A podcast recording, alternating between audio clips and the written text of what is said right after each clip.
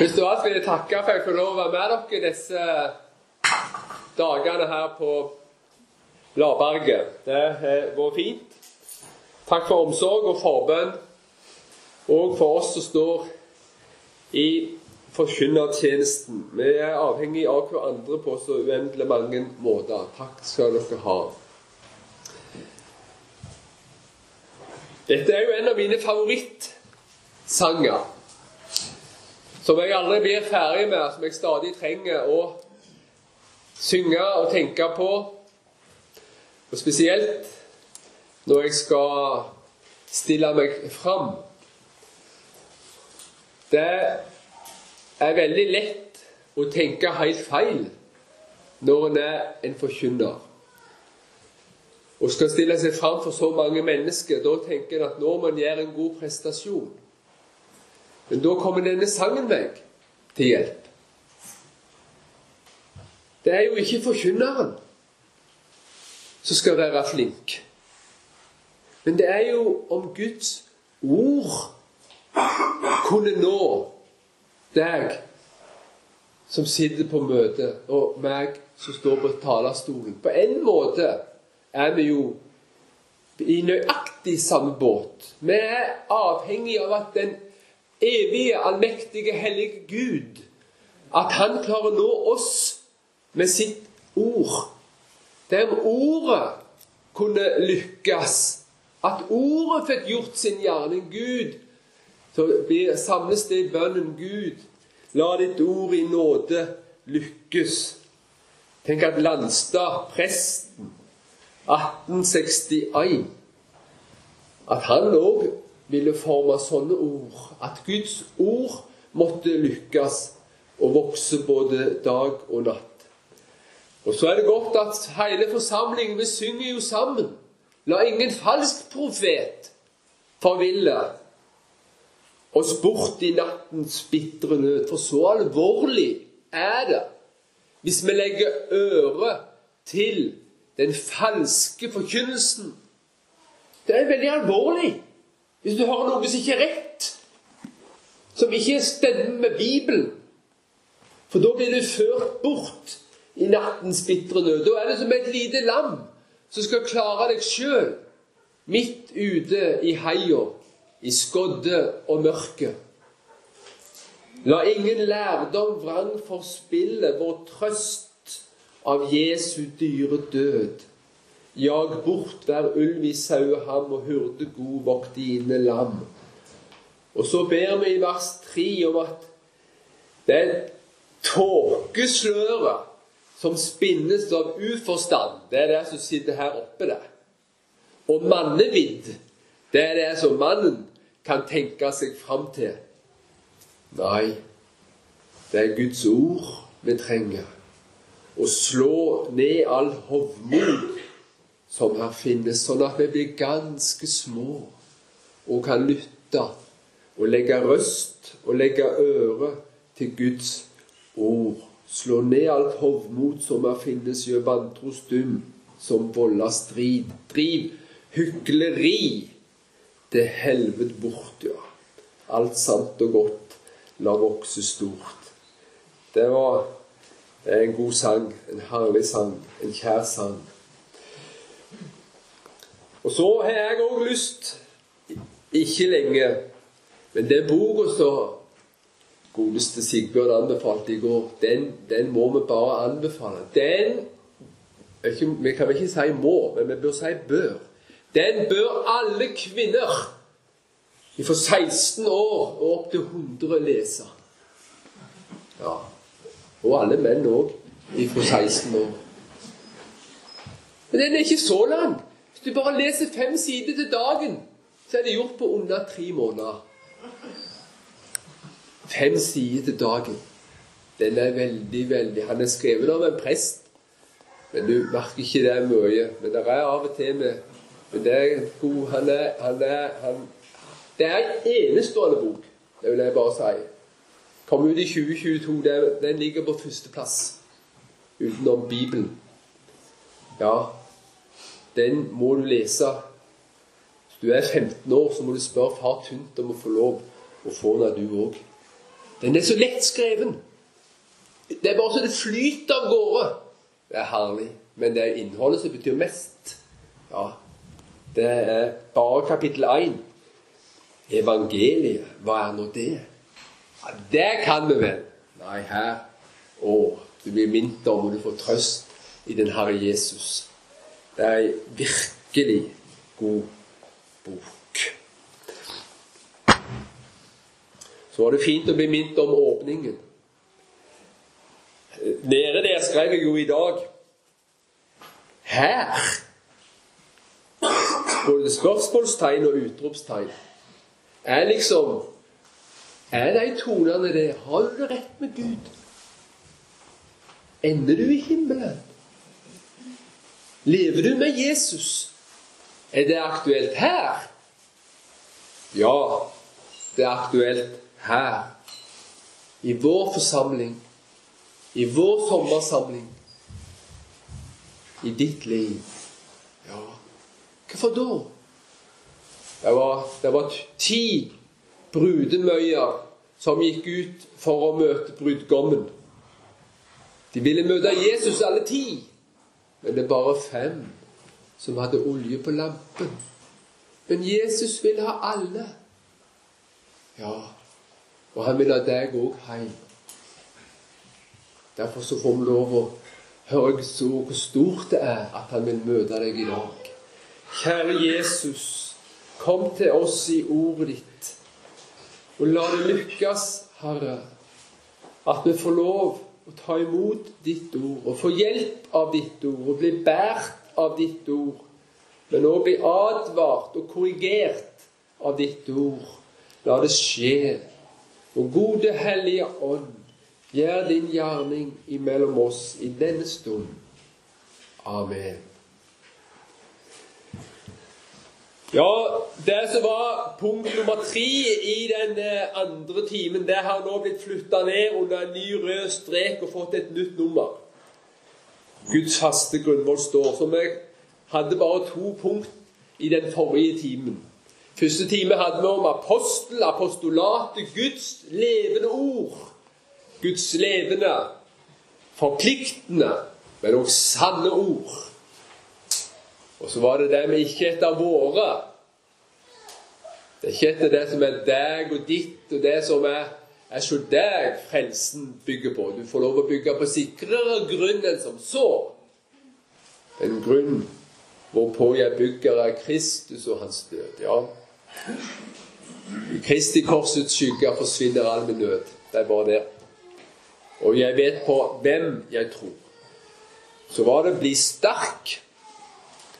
Det er å få lov å være et lite lam. Å være så liten og svak, men bli båret av hurden. Og så må en regne med å lide ondt. Moses han valgte heller de med om. Veldig fint. Men det er jo det er sånn. Det er ikke alt som er fryd og fred og glede blant de kristne. Ganske mange av de kristne er syndere. Visste du det? Da, da er det ikke alltid så lett. Ja, det er jo alle er jo syndere. Ja. Da må vi tilgi hverandre. Sånn som vi er avhengige av å leve i tilgivelsen, så må vi òg tilgi vår neste. Men skulle oppsummere det i ett bibelord, bli sterk og lid ondt, så kunne vi Ta det som en repetisjon i 2. Korinterne 12, 7. Der 2. Korinterne 12. Vi tar med oss det før vi går uh, inn i kapittel tar med oss kapittel 3 i 2. Timoteus. Uh, 2. Korinterne 7 Nei, 12, unnskyld. Og så vers 7 til 10. Paulus han hadde fått lov å skue langt inn i Guds ord og i Guds åpenbaring. Og de som gjør det Ja, alle menneskene Det ligger så lett for hånden å bli hovmodig og bli stor i seg selv. Og da kommer en bort ifra Jesus. Men Gud, han har omsorg for sine. Og for at jeg ikke skal opphøye meg av de overmåte store åpenbaringer, har jeg fått en torn i kjødet. En Satans engel som skal slå meg for at jeg ikke skal opphøye meg. Han skulle ikke bli stor. Han skulle forbli liten i egne øyne, sånn som han er i Guds øyne. Og denne ba jeg Herren tre ganger. Om denne ba jeg Herren tre ganger at den måtte vike fra meg. Men han sa til meg, Min nåde er nok for deg. For min kraft fullendes i skrøpelighet. Ja, bli da du, min sønn, sterk ved nåden i Kristus Jesus. Men han sa til meg, min nåde er nok for deg, for min kraft fullendes i skrøpelighet. Derfor vil jeg helst rose meg av min skrøpelighet, for at Kristi kraft kan bo i meg. At den styrken og den kraften, det er til å kunne være frimodig framfor Gud på grunn av Jesus. Og det er å bli bevart gjennom en vond og vanskelig verden med disse tre hovedfiendene, djevelen, verden og vårt eget kjød. Ja, Derfor vil jeg helst rose meg av min skrøpelighet, for at Kristi kraft kan bo i meg. Så kommer dette forunderlige, som òg er forunderlig. Derfor er jeg vel tilfreds i skrøpelighet, under mishandling, i nød i forfølgelser og trengsler for Kristi skyld.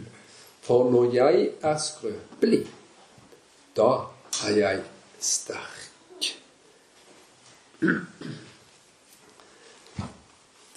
Så går vi til 2. Timoteus 3. 2. Timoteus 3.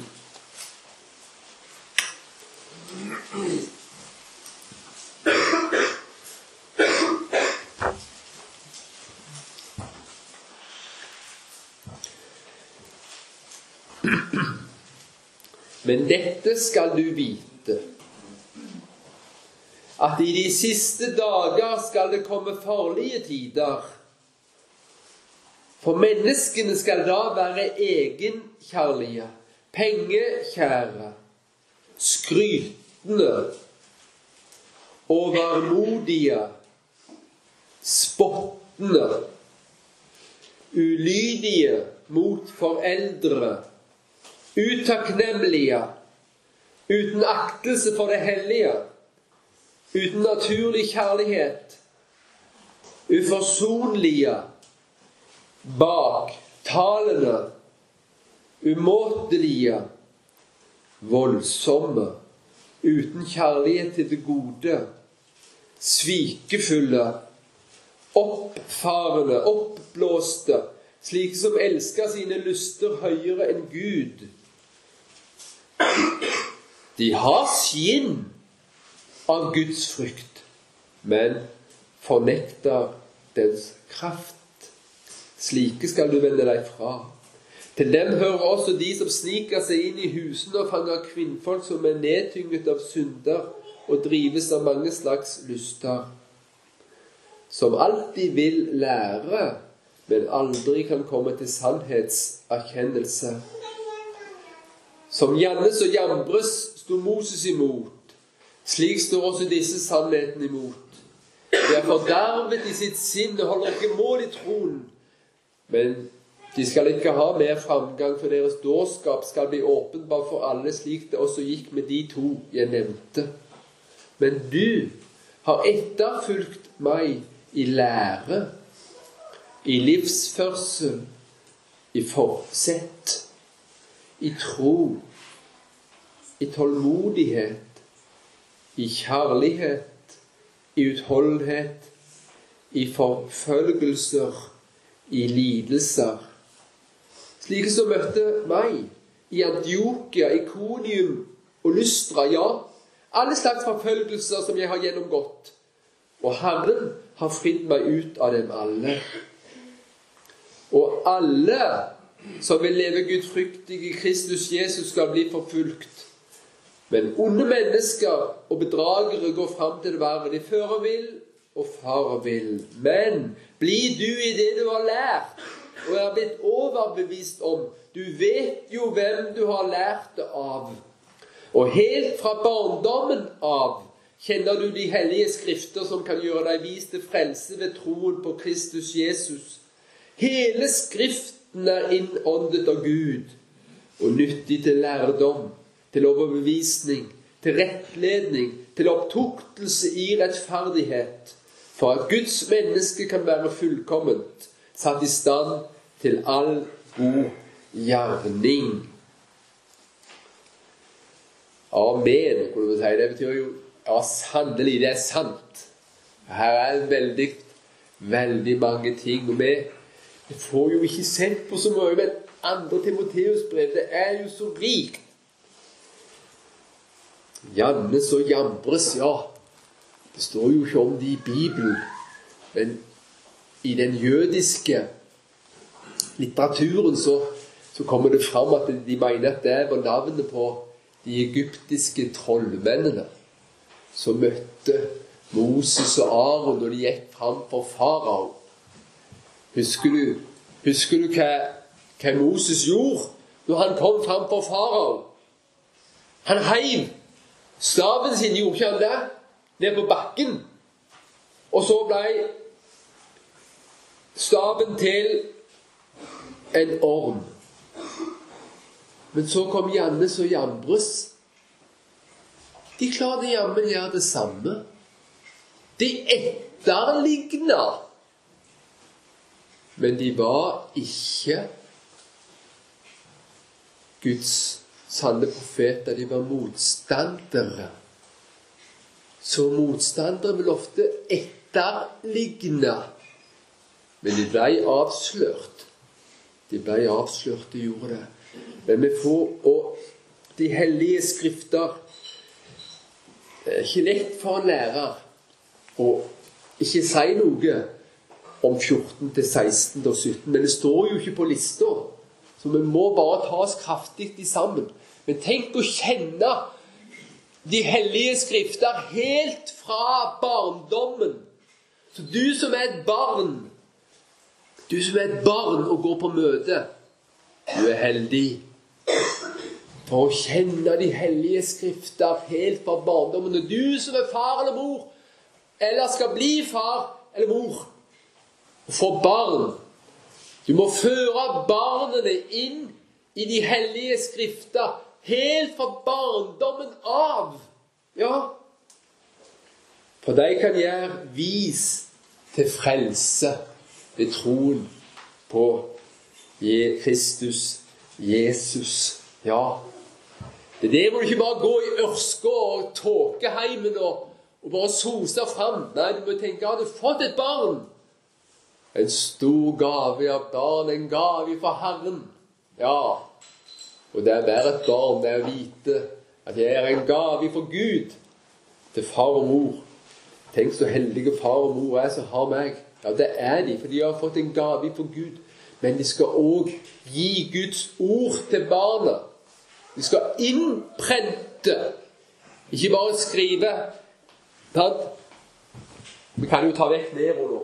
Sant? Det var lett å ta vekk han. Han var jo ikke innprenta. Men hvis jeg hadde inngravert Det hadde vært mye vanskeligere å få vekk. Guds ord skal innprentes, inngraveres. Ja, det skal det. La oss stoppe og litt tilbake i kapittel 2. Guds faste grunnvoll står. Det er 2.19, det. Men Guds faste grunnvoll står og har dette seil. Herren kjenner sine, og hver den som nevner Herrens navn, skal avstå fra urett. Vi kan ikke gå så veldig dypt i det. Men hjørnesteinen er Jesus Kristus selv.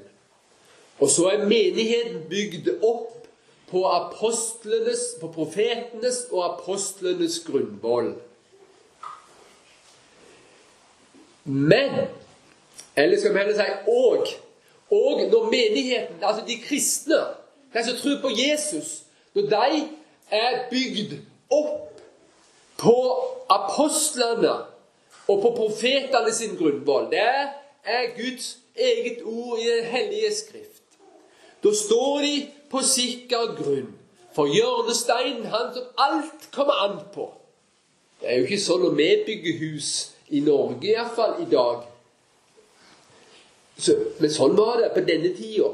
De bygde grunnmuren der de satte huset på på en annen måte. sånn at det, det var liksom en hovedhjørnestein. Det var den som liksom bandt alt i sammen. Det var den egentlig alt kom an på. Hvis, bare, hvis den kollapsa, da da nytta det ikke noe ting med alt det andre. Vi har jo, Nå støyver vi ofte en ringmur med i betong som henger sammen, alltid sammen, liksom. Men sånn var det ikke da.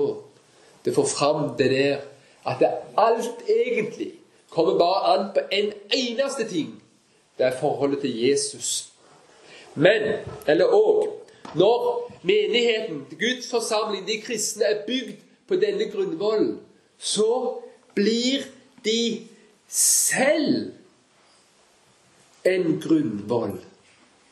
For det som er meint her i vers 19 i kapittel 2, det er de kristne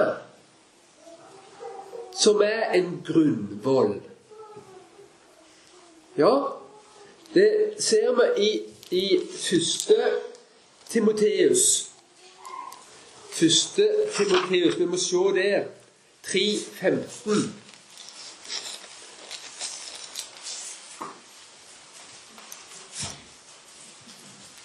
Paulus han skriver jo til Timoteus, eh, og han har lyst å møte han. Men står i vers 15 i kapittel 3 Men ifall jeg dryger, vil jeg at du skal vite hvordan en bør ferdes i Guds hus, som er den levende Guds menighet, sannhetens støtte og grunnvoll. For mellom Guds barn, der skal grunnvollen, altså Skriften, apostlenes og profetenes budskap og lære, det skal bli forkynt. Og når det blir forkynt i den svake og hjelpeløse kristenhet, da blir kristenheten, da blir de kristne sjøl en grunnvoll. Da kan de være til hjelp for andre. Da kan vi si 'Kom til oss'. Kan vi ikke si det? Kan vi ikke si, hvis vi treffer noen 'Kom til Laberget'? Hva da for? For der kan du få hjelp og grunn å stå på. Det kan du møte Jesus, han som er verdens og alle synderes frelser. Ikke sånn på den måten at alle syndere er frelst automatisk, men Jesus kaller syndere. Han er den store lege. Fordi han vil møte dem og gi dem sin frelse ved trua på Han. Ja, Derfor så blir menigheten eh, en grunnvoll her i tiden. Og denne grunnvollen, hva var det med den? Den står han står Hvor lenge står han? Han står helt til dette tidsløp er forbi. Det vil alltid være en kristen menighet på jord. Det vil Gud ta seg av. Det vil alltid være noe Ja, de er Vel er de små. Vel er de svake. Vel er det vranglære som de må si nei til. Vel kan de ha mye motstand og forakt. Vel er det en flokk av syndere som trenger tilgivelse både av Gud og hverandre. Og det kan være mye vondt, splid og strid og en uendelighet av, av elendighet. Men hvis Jesus er der med sin frelse, ja, Da er det en menighet. Ja, den skal stå. Den vil alltid være. Ja. Elias, han sa det. Å, dine profeter står de etter livet, og jeg er alene tilbake. Og meg òg står de etter livet. Husker det? Da så Gud nei. Det er ikke bare én tilbake som heter Elias. Men det er 7000 som ikke har bøyd kne for Baal. Det var Kanskje der betyr ikke 7000 akkurat 1, 2, 3, 5, 7, 8, så teller opp helt til 7000. Men sjutallet, vet du, det er jo det hellige tall. Tusenvis viser at det er ikke så få. Men de er utskilt ifra verden og innvia til Gud ved Jesus Kristus. Ja, det er de. Guds faste grunnvoll står. Men så er det et skilt på grunnvollen. Det er et skilt på dette huset. Det er et skilt på krist, de kristne. Og skiltet har to deler. Det var visstnok sånn at de brukte sånne skilt. De brukte det når de skulle sende eh, store handels, eh, handelsforsendinger med varer. Så hadde de et segl på. Sto, sto hvem som eide Hvem som eide forsendelsen. Det sto hvor forsendelsen skulle hen. Tar du det? Det er Guds eiendom. Tenk å være Guds eiendom og på vei til himmelen. De brukte det også, kunne òg ha det på bygninger. Der sto det hvem som var arkitekten og hjernen bak det hele. Ja, utvalgt i Kristus før verdens grunnvoll ble lagt. Så du var ikke så veldig delaktig i det, i det tankearbeidet der, du at det var frelsen i Kristus. Og så sto det gjerne ofte òg der hvem som hadde bygd det. Og så sto det kanskje òg hvem som var eieren. Ja, Seglet. Og det som er litt merkelig, og litt vanskelig òg, det er det det står her i 2. Timoteus 2,19.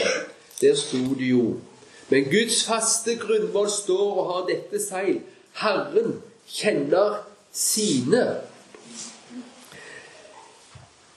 Det er ikke så lett å se at det er egentlig et sitat ifra fjerde Mosebok. Men det er det. Fjerde Mosebok 16, 5. Så det, Vi skal må opp det.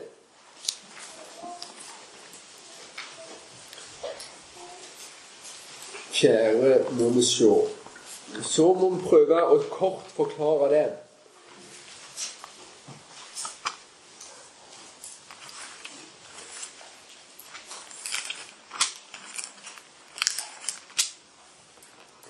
Bibelen, den er delt i to. Det gamle testamentet og Det nye testamentet. Det gamle testamentet er skrevet på hebraisk, Det nye testamentet på gresk. Eh, så når Paulus skrev brevet sitt, så skrev han det på gresk. Eh, men Gamle testamentet var jo på hebraisk. Men i ett eller to mellom 1 og 200 år før Kristus da ble Det gamle testamentet oversatt til gresk. Den oversettelsen blir ofte kalt for Septuaginta-oversettelsen. Det er, Septuaginta er altså det gamle testamentet på gresk. Og mange ganger i Nytestamentet, når de skrev på gresk, når de skulle sitere fra Gamletestamentet, så siterte de fra Septuaginta. Ja. Og da er ikke det alltid helt nøyaktig likt. Vi kan ikke gå inn på den diskusjonen, men Jesus også siterer fra Septuaginta. Derfor så kan du er litt forskjeller. Så skal du ikke se på det som et problem, men mer som en en utfylling og forklaring. Og når det står her i 16.5 i i, uh, i uh, Fjerde Mosebok. Og han talte til koret hele flokken hans og sa i morgen skal Herren åpenbare hvem som tilhører ham, og hvem som er hellig. Så står det altså i Septuaginta Herren skal eh, åpenbare hvem som kjenner Han. For Herren kjenner sine. Ja. Og da Da er vi rett inn her. For Guds menighet, det er, ikke, det er jo alle de kristne. Det er ikke alle som går inn Det er liksom ikke sikkert at det er alle som går inn dørene på Laberget, som er Guds menighet. For det er ikke sånn Gud har sagt at alle som går inn døra på Laberget, de skal også gå inn døra til himmelen.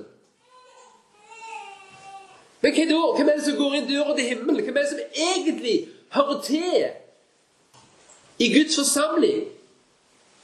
Herren kjenner sine. Det er de Herren kjenner. Og da må vi spørre her og nå Kjenner du Jesus? Er Jesus Og er du kjent av Jesus? Det var noen som sto ut forbi himmelporten. Og de hadde gjort så veldig mye. De hadde utdrevet onde, onde ånder i Jesu navn og talt profetiske i Jesu navn. Men Jesus sa Hva sa han? Jeg kjenner dere ikke å kjenne Jesus. Og det ser du her om Kora. Hvordan går det med de som ikke kjenner Jesus? Og Da leser vi litt her i 4. Mosebok 16 fra vers 1. Kora, en sønn av Ishar, sønn av Kahat, Levis sønn. Han var altså av Levi-stamme, sammen med Datan av Abiram, sønner av Eliab og On, en sønn av Pelet, av Rubens ett. Ja, det andre var av Ruben. Tok en flokk med seg. De sto fram for Moses og sammen med dem 250 menn av Israels barn, høvdinger i menigheten. Kalte forsamlingen aktede menn. Ja, det var litt av en flokk. Det var jo noe av kremen. 250 stykk. De flokket seg sammen mot Moses og Aron. 250 mot 2. Det var iallfall lett hvis du hadde avstemning å finne ut hva som var sannheten i hermetegn. Eh. Nå får det være nok, sa de. Hele menigheten er hellig, alle sammen, og Herren er midt iblant dem. Hvorfor skal da dere opphøye dere over Herrens menighet? Da Moses hørte disse ordene, falt han på sitt ansikt, og han talte til koret av hele flokken hans og sa:" I morgen skal Herren åpenbare hvem som tilhører ham, og hvem som er hellig, så han lar ham komme nær til seg. Den, han, den som han utvelger, vil han la komme nær til seg. Her handler det om å kjenne Herren. 2. Timoteus 3. 2, 19. Gjør nå dette. Ta dere ildkar, både Kora og hele hans flokk, og ha ild på dem, og legg røkelse på dem for Herrens åsyn i morgen. Og den mann som Herren utvelger, han skal være hellig.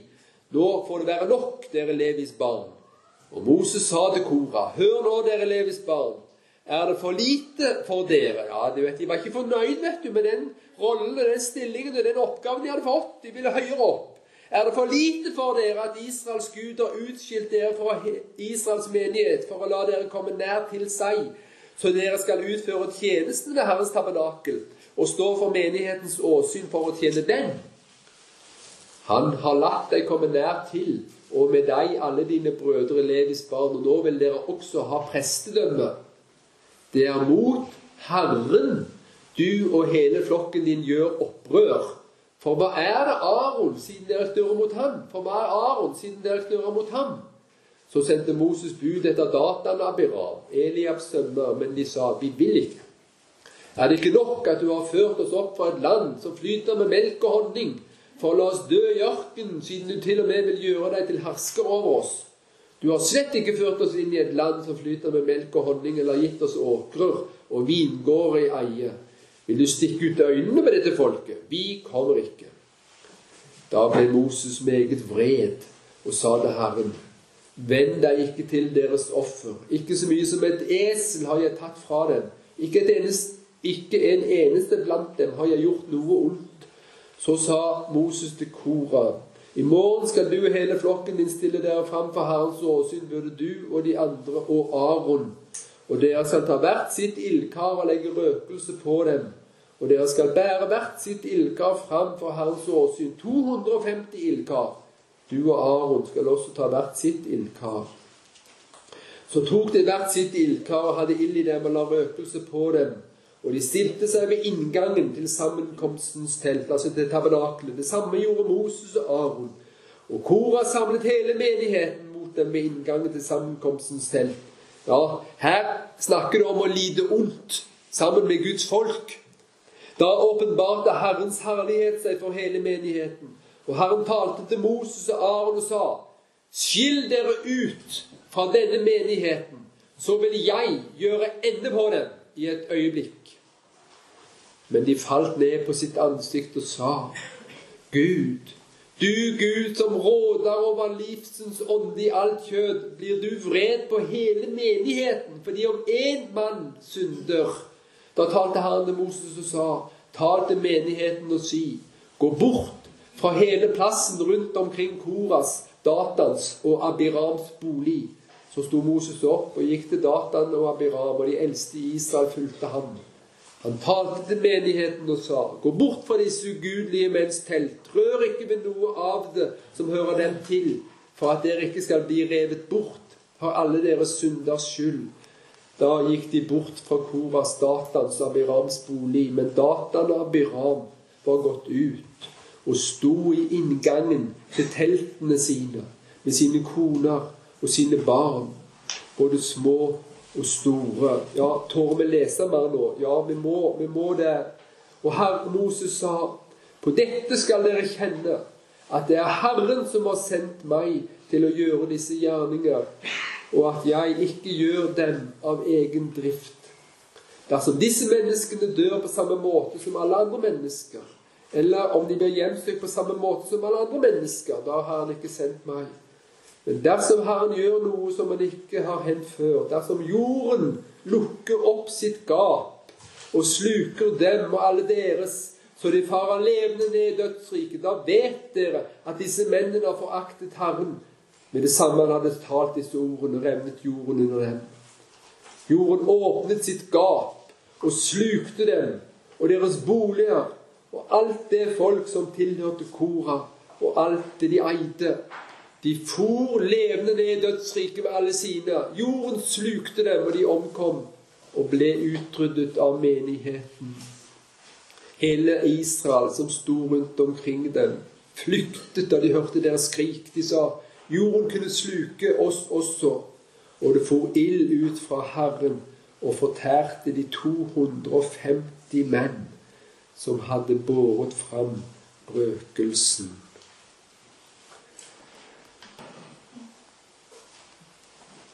Guds faste grunnvoll står. Og har dette seg Herren kjenner sine. Men du og du, den som ikke kjenner Jesus, den som er på laget med Kora, Datan og Abira Det er vel ikke du? Vi vil ikke at det skal være du. Og mest av alt Jesus. Han kaller på deg. Kom til meg. Alle dere som strever og har tungt å bære. Alle dere som er redd for å gå fortapt. Kom til meg, sier Jesus. Ja, for jeg kjenner mine. Og så tar Jesus dette bildet fra 4. Mosebok 16, og så sier han Jeg er den gode hurde. Jeg kjenner mine. og mine kjenner meg.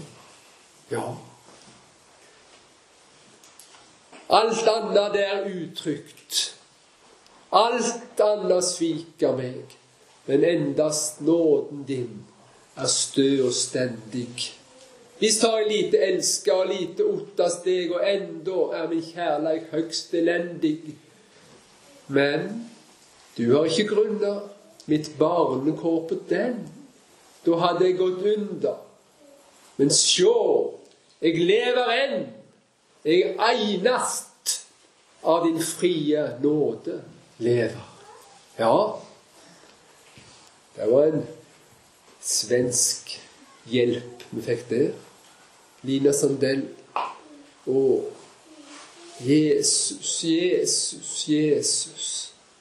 Alt det du trenger for himmel og jord, er gjøyt i det ene ord. Ja. Vi må ta med Johannes 10 der, eh, som viser denne gode hyrden som kjenner sine, og sine kjenner han. Det er Johannes 10, hyrdekapitlet så Johannes. Og vi kan ikke ta med så veldig mye, men la oss ta med 27-29. Johannes 10, 27-29.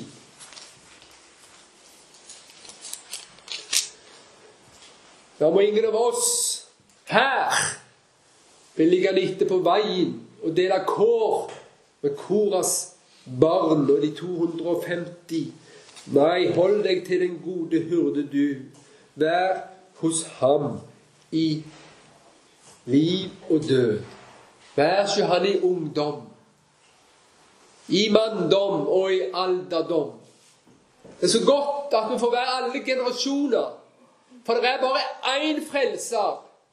For spedbarnet, for barnet, for ungdommen, for manndommen og alderdommen. Det er Jesus alene. Ja, det er den salige og sanne monergisme. Det blir aldri et samarbeid. Det blir aldri meg og Jesus.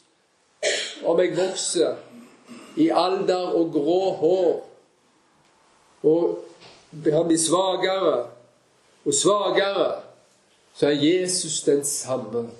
Han er den gode hyrde. Og i vers 27 her i Johannes 10 Mine får hører min røst. Jeg kjenner dem, og de følger meg. Vi elsker Herrens ord, og vi vil følge Jesus. Og jeg gir dem evig liv. Det er det du gir en gave. Det er det du gir en gave. De skal aldri i evighet gå fortapt. Og ingen skal rive dem ut av min hånd. Min far som har gitt meg dem, er større enn alle, og ingen kan rive dem ut av min fars hånd. Ja Tenk deg dette seilet som er på. Kjenner merket. Merkelappen. Herren kjenner sine. Men det sto litt mer. Sto, hva var det andre som sto på lappen? Det er viktig når vi leser Guds ord, at vi leser hele Guds ord, ikke kutter det av. Men det er fint å stoppe og fordype seg og tenke og få lyset vel iallfall litt av Nei, vi klarer ikke å svelge alt på en gang. Herren kjenner sine. Han har tatt på seg og bevare deg og vil føre de helt fram. Men det var en ting til der på merkelappen. Hver den som nevner Herrens navn, skal avstå fra urett. Du, du som hører Jesus til, du som kjenner Jesus, du som har sett at det var jo mine synder Jesus bar på korset.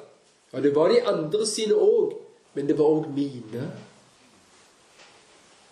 Du skal ikke fortsette i synden. Du skal derimot avstå fra uretten. Du skal si nei til verden.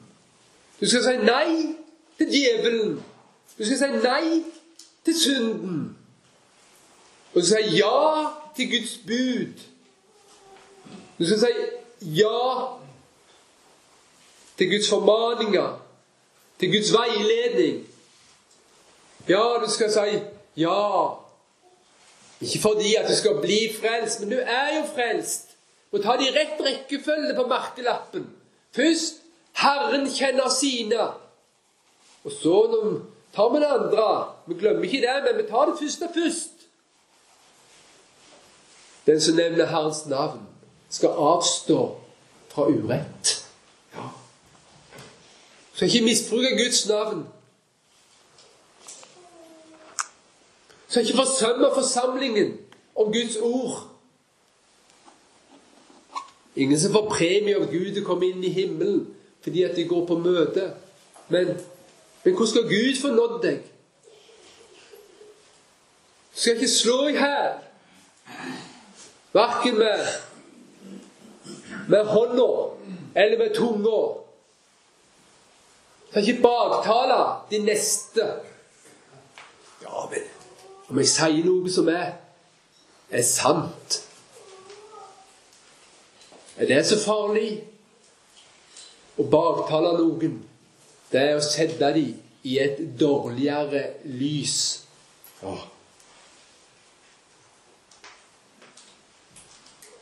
Hvis du setter noen i et dårligere lys, så baktaler du. Det er et unntak, og det er når noen eh, gjør noe galt offentlig.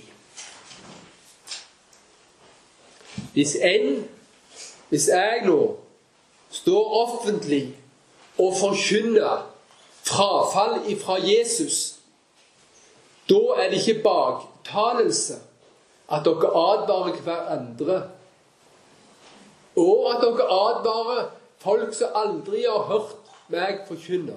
Da gjør du en god gjerning. Men hvis jeg får høre på en eller annen måte at Sigbjørn han kjørte for fort når han opp, kjørte opp her. Det aner ikke jeg om han gjorde. Men hvis jeg hadde hørt det, og så skulle jeg fortelle noe interessant til Olav hadde sagt at du Har du hørt det der om Sigbjørn? Baktalelse. Skal avstå fra urett. Det er synd og skam å ødelegge andres navn og rykte. Ja, det er det. Skal løfte hverandre opp. Opphøye hverandre. Det er det vi skal. Skal du ta for deg de ulike buder. Skal avstå fra urett. Du som er, har far og mor. Om du er sånn som meg, snart 60 år, og har far og mor Ja, ikke bare mor igjen. Hun skal jeg hedre. Hun skal jeg ære. Hun skal jeg hjelpe. Hun skal jeg ikke irritere og tirre. Nei, hun skal jeg ære. Det skal du gjøre med din far og din mor. Det skal dere. Ja, sånn er det.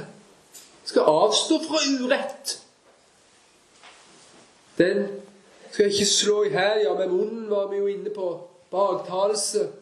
Stygge ord. Du, din dyst. Nei, vi sier ikke det. Han er skyldig til helvetes ild. Ja. Abort fosterdrap. Nei, vi avstår både fra å gjøre det sjøl og bistå og rådgi. Og vi kunne snakket mye om det om bioteknologien. Ja, prøverørsbarn. Det befrukter oftest flere egg, og så blir noen satt inn i livmora. Men hva gjør det med de andre små menneskespirene kaster de søpla. Ja, men det står jo i Den hellige skrift fra den hellige Gud. Du skal ikke slå i hæl. Du skal avstå fra urett. Ja, skal du. Prevensjonsmidler som dreper et lite menneskespire. Ja. Nei. Vi skal avstå fra urett. Ja. Så kan vi ta det for oss utover. Sånn er det bare. Vi har snakket flere ganger og nevnt for denne boka en kardinalsum i menneskekjødet og blant de kristne. Så farlig det er. Det er loviskheten. Det er at, det, at det, noe av det som vi er, og noe av det vi gjør, og noe av det vi opplever, det er blitt dratt inn mellom oss og Gud. Nei, det er én mellommann mellom Gud og mennesker. Det er mennesket Kristus Jesus, han som ga seg selv til den løse penger. Men på den andre sida så advarer vi også mot antinomismen. Hva er det? Anti. Det er imot. Og nom, noms, det er lov. Det er noen som ikke vil høre loven. Det er noen som sier at det som Gud sier i ordet sitt, det, det trenger vi ikke bry oss om. Når Gud sier 'det skal du gjøre', og 'det skal du gjøre', og 'det skal du ikke gjøre' så, 'Dette er godt', så tenker noen Det er ikke så nøye. Gud er jo snill som dagen er lang.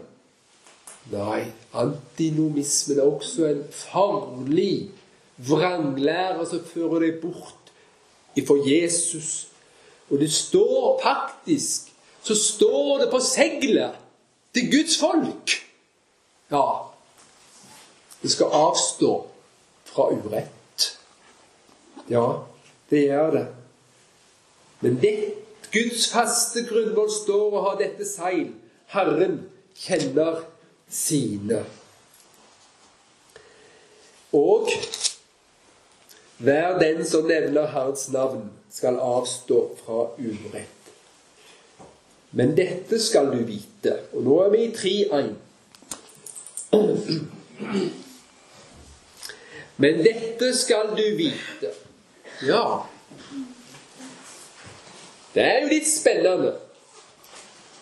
Hvis Guds ord kommer og sier til deg at 'nå skal jeg fortelle deg noe som du skal ikke bare tippe eller forvente eller kanskje skal skje', men nå er det noe du skal vite. Dette kan du bare vite som sikkert og sant. At i de siste dager De siste dager Grunnbetydningen av de siste dager, det er tidsperioden ifra Jesus første komme i Betlehem i krybben og fram til han kommer igjen og skal dømme levende og døde. Det er de siste dager. Men det vil nok òg tilta etter hvert som de siste dager går mot slutten.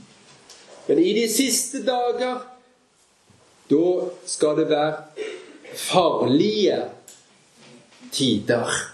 Det ordet på gresk som er brukt der om farlige tider, det kan også bety vanskelige tider. Og sånn sto det i den eh, Bibelen som jeg har brukt og vært veldig glad i helt fram til nå. Det er ikke feil, for det betyr òg vanskelige tider. Og dere som har denne gode vi vil vel si beste oversettelsen, norsk bibel. Hvis du ikke har den, eh, hvis du er den opprinnelige, så står det, tror jeg, 'vanskelige tider'. Men hvis du har den reviderte utgaven fra 2007, så står det 'farlige tider'. For det er vanskelig. Men det er ikke vanskelig sånn som et vanskelig regnestykke. Eller et vanskelig praktisk problem. Det er mer vanskelig på den måten som når du er i skodda på fjellet. Er ikke det veldig vanskelig? Hvis du er i skodda, i tåkeheimen på fjellet. Jo, det er veldig vanskelig. Eller hvis du er ute på havet i en liten båt og det blåser opp til storm. Oh, da er det vanskelig, altså, å være den som har ansvaret. Men det er også veldig farlig. Det er det. Så skal en da velge vanskelig, eller skal en nå velge farlig? Da har vi valgt her farlig. Det er farlige tider. Det kan gå riktig ille. Det er nesten som om det blir en veldig pest. Det er ikke lett å leve i en by hvis det er en veldig pestsykdom. Men det er også veldig farlig. Ja. Og det er det dette handler om. Det er at de vanskelige tider, at det er farlige tider, det betyr ikke først og fremst en advarsel på en måte mot at nå kommer det snart til å bli ubehagelig. Nå må du snart regne med at det ikke er helt dans på roser, livet, liksom. Du, du må regne med at velferden vil, vil, gå litt ned. Du vil få litt mindre kjøpekraft og kunne reise litt mindre på ferie. Og, og kanskje vil du ramme både ditt og datt. Nei, det er ikke ubehageligheter. Men det er farlig. Og hva er som er farlig her i verden? Det er å gå fortapt. Det er det det handler om. Derfor syns jeg jeg er glad for at det står 'farlig'. Men det er òg vanskelig. For da blir det så vanskelig å bli bevart. Det er så mye som vil dra deg bort ifra Jesus. For menneskene, de skal da være egenkjærlige. Og da var da jeg kom på at jeg måtte skrive den der siste der. For det er veldig lett når vi leser 2. Timoteus 3,2.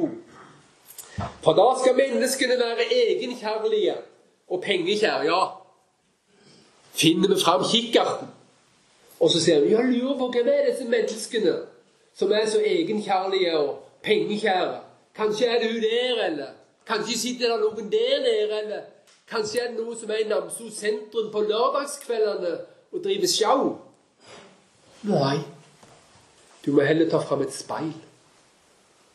Da ser du da ser du hvor faren sitter. Gå og still deg foran speilet, min venn. Da ser du hvem dette er farlig for. For menneskene. Her skal jeg si det med spørsmålstegn er det noen her? Der er noen her. Der er mange her. Egentlig dette sitter i kjøtt og blod til alle det. Så hvis ikke du får det fram for Jesus, så kommer det til å fange deg og føre deg med uimotståelig styrke og med 100% sikkerhet i fortapelsen. For her er det bare én som kan hjelpe å bli sterk ved nåden i Kristus. Her hjelper det ikke med kjøttkraft. Her hjelper det ikke med store beslutninger. Her hjelper det ikke med trening, og ikke erfaring heller. Den som er gammel og av sannheten, han vet at her hjelper visst erfaring ingenting. Men erfaringen kan nok dra, kan jeg nok dra nytte av. Jeg kan tenke Har Jesus hjulpet meg før? Han har hjulpet meg hver eneste gang. Derfor er det så godt for de unge å høre på de eldre, hjelpeløse kristne. Da forstår, forstår vi litt av det. Vi trenger Jesus hele livet. For det er Kristus alene. Men han er så sterk, han er så stor, han er så fullkommen. Og alt det han har gjort, det er så 100 Du kan forlite deg på han, du kan stole på han, du kan få regne med han, du kan få leve på hans regning hele livet. Ja, sånn er det. Så godt det er. Menneskene skal da være egenkjærlige, pengekjære. Ja, er du glad i penger?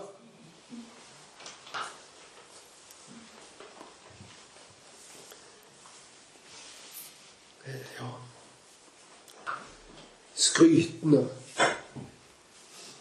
Det betyr at det er veldig hyggelig hvis jeg eh, sjøl eller noen andre sier, løfter meg litt opp. Da vokser litt. Kjødet vokser. Overmodige. Det betyr at en, en, har, en overvurderer seg sjøl og sin egen dyktighet og viktighet. Noen er på en måte overmodige når de står på høyden.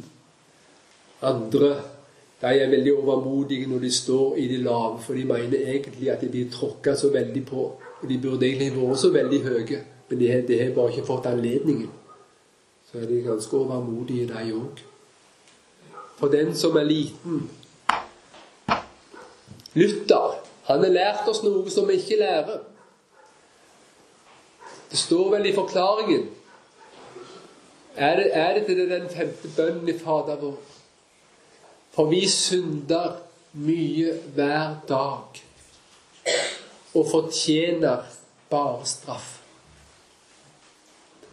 Du synder mot Gud. Du fortjener bare straff. Så hvis du har fått noe annet enn straff i dag, så må det være en uendelig stor nåde. Har du fått noe annet enn du har fortjent?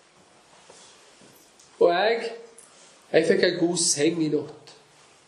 Jeg kunne breie ei god dyne over meg. Jeg slapp å fryse. Jeg kunne stå opp. Jeg kunne gå inn her. Jeg har fått lov å spise mat. Jeg har fått lov å treffe hyggelige folk. Jeg har fått lov å være på lavberget. Så bare disse timene jeg har stått opp med Jeg har ikke fått straff. Jeg har fått, Men det er jo det jeg har fortjent. For en nåde Gud har gitt. Ja, du verden, så god Gud er. Spottende. Så kan vi tro at dette er noe som vi fortjener, vet du. Så er det Guds godhet på alle vis. Ulydige mot foreldre. Oi, oi, oi. Du må ikke være ulydige mot foreldrene dine. Ja, men foreldrene er jo ikke perfekte. Nei, nettopp. De er langt ifra. De er sikkert mindre perfekte enn du tror, til og med. Men du skal være lydig for det, for det har Gud sagt. Utakknemlige. Ja, har du møtt noen takknemlige sjeler i det siste? Det på en måte har en slags utstråling av takknemlighet. Eller har du møtt krav, storhet? Ja. Og hvordan er du? Å kreve, stå på sine rettigheter og tenke at det, det bør jeg ha. Det er rett av deg. Takknemlighet. Å, så velsigna godt å treffe et takknemlig menneske. Ja, uten aktelse for det hellige. Ja, i møte med Gud og Hans hellige ord, Hans hellige bud. Ja, aktelse for Gud. Ja. Det er mange ting nedover her vi kan lese, og det skal vi ta til oss. Det er farlig hvis vi ikke vil ta avstand fra dette. Hvis vi ikke vil dømme dette som synd i vårt eget liv, da vil det uvegerlig ta makten i livet ditt og føre deg bort ifra Jesus. Så her, når du merker dette i livet ditt, så må du ta avstand fra deg sjøl. Så må du si til Jesus 'Å, jeg er en synder stor'. Ja, det er alle mine navne ære. Og så sier bror sånn 'Men da du er Jesus' blevet han deg frelseren, og fordi min skyld du tok. Derfor står mitt navn innskrevet deilig nå i livets bok. Ja, det er for Jesu skyld. Men å forsvare og fastholde synden medfører Jeg skrev opp her Å forsvare og fastholde synden medfører uten noen som helst unntakelse at du ikke klarer å fastholde evangeliet. Du kommer vekk ifra Jesus. Hvis du sier at jeg Det er rett at jeg har imot den personen. Det er rett at jeg kan få lov å holde på i den synden. Det er rett at jeg ikke tar det så nøye på det punktet. Du kommer til å komme vekk fra Jesus. For Jesus han har jo betalt for alle syndene. Han er betalt for å fri deg fra synden. Så hvis du Det er et sitat fra Hans egen nissen. Hvis du vil holde Jesus i den ene hånden og synden i den andre, da slipper Jesus taket. Han er venn med synderen, men han kan ikke forlikes med synden. Så det vil jeg bare si. Og så står det noe skremmende, vil jeg tørre å påstå her, i vers 5. De har skinn av Guds frykt. Det er sånn når vi ser utover forsamlingen her og ser på oss Det er et fint skinn. Det er jo flott med fine skinn. Men du, for Gud så er det hjertet. Det er inni siden. For de fornekter dens kraft. Nå har vi hatt mye om kraft. Nå håper jeg og tror jeg Ja, jeg håper det iallfall, og vi repeterer det. Når du leser om kraft sånn som dette, da skal du ikke tenke på muskelkraft i åndelig forstand. At de har, de, de har liksom for lite på en måte slags hellige ånds guff inni seg på en eller annen måte. Nei. Hva er Guds kraft? Det er evangeliet. Ordet om korset er Guds kraft. Det er der alt ligger. Det er der hatet til synden kommer. Det er der kjærligheten til Jesus kommer. Og det er der òg hatet til synden og kjærligheten til loven kommer. Vær da sterk, min sønn, ved nåden i Kristus Jesus. Ja, vi må bare slutte, vet du. Men kjære venner, vi skal hjem til himmelen. Er det ikke det vi skal? Eller hvor akter du deg hen? Nei, sier noen, jeg vil ha en kortvarig nytelse i synden. Moses han sa nei til en kortvarig nytelse av synden og vil heller lide ondt med Guds folk, for han så fram til lønnen. Det er masse lønn å få. Det er bare det at Jesus har jobba for den lønna, så du får høste godt av. Tenk å få høre Jesus til. Tenk å få leve på hans regning her i tiden. Og kunne vite og være sterk på den måten som vi snakket om, med frimodighet.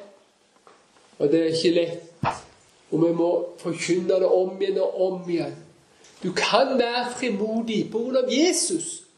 Du kan se Gud som en som ligger oppi øynene ja, og si 'Far i himmelen, takk for at jeg får være din, for Jesus skyld'. Tenk å leve sånn her på kloden, men alt skal brenne opp.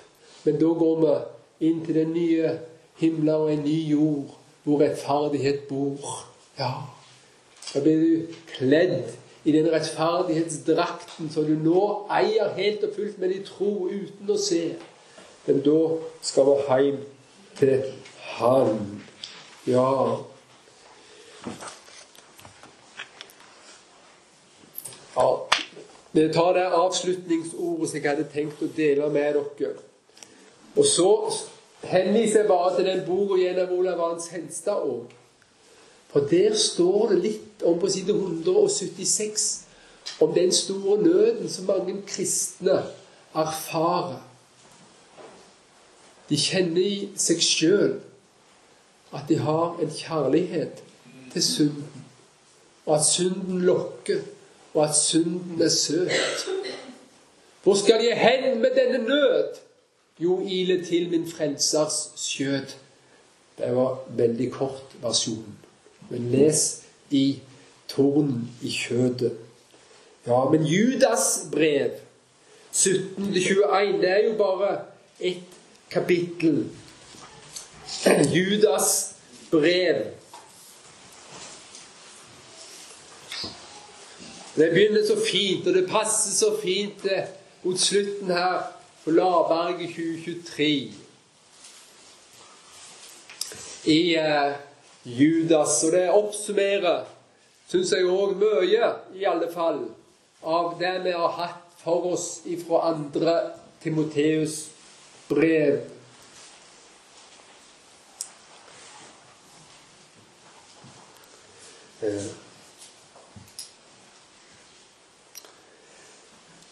Men dere kjære, husk de ordene som Herre Jesu Kristi apostler før har talt. Ja, husk det som du har lest og hørt fra 2. Timoteus brev. De ordene som Herre Jesu Kristi apostler før har talt. For de sa til dere i den siste tid skal det komme spottere som farer fram etter sine ugudelige lyster. Disse er det som skaper splittelse. De er sjelelige mennesker som ikke har ånden. Men dere, kjære, oppbygg dere på deres høyhellige tro. Troen kommer av forkynnelsen. Hør mye om Jesus. Kom sammen med andre og be til Jesus, og hør om Jesus, og syng om Jesus. Og be i Den hellige ånd. Takk, Jesus, og hold dere slik i Guds kjærlighet. Mens dere venter på vår Herre Jesu Kristi miskunn til evig liv. Ja, mens vi venter på den dagen vi skal gå hjem og være hos Han for evig, så skal vi hjelpe hverandre til å tro på Jesus og regne med Han og holde oss slik i Guds kjærlighet, den ser er åpenbart i Jesus Kristus, vår Herre. Ære være Faderen og Sønnen og Den hellige ånd, en sann treenig Gud fra evighet og til evighet. Velsign oss du, Herre den allmektige er alltid å tro på Jesus og leve med deg til vår siste stund, og så gå salige inn i det fullkomne Guds rike for Jesus skyld aleine. Amen.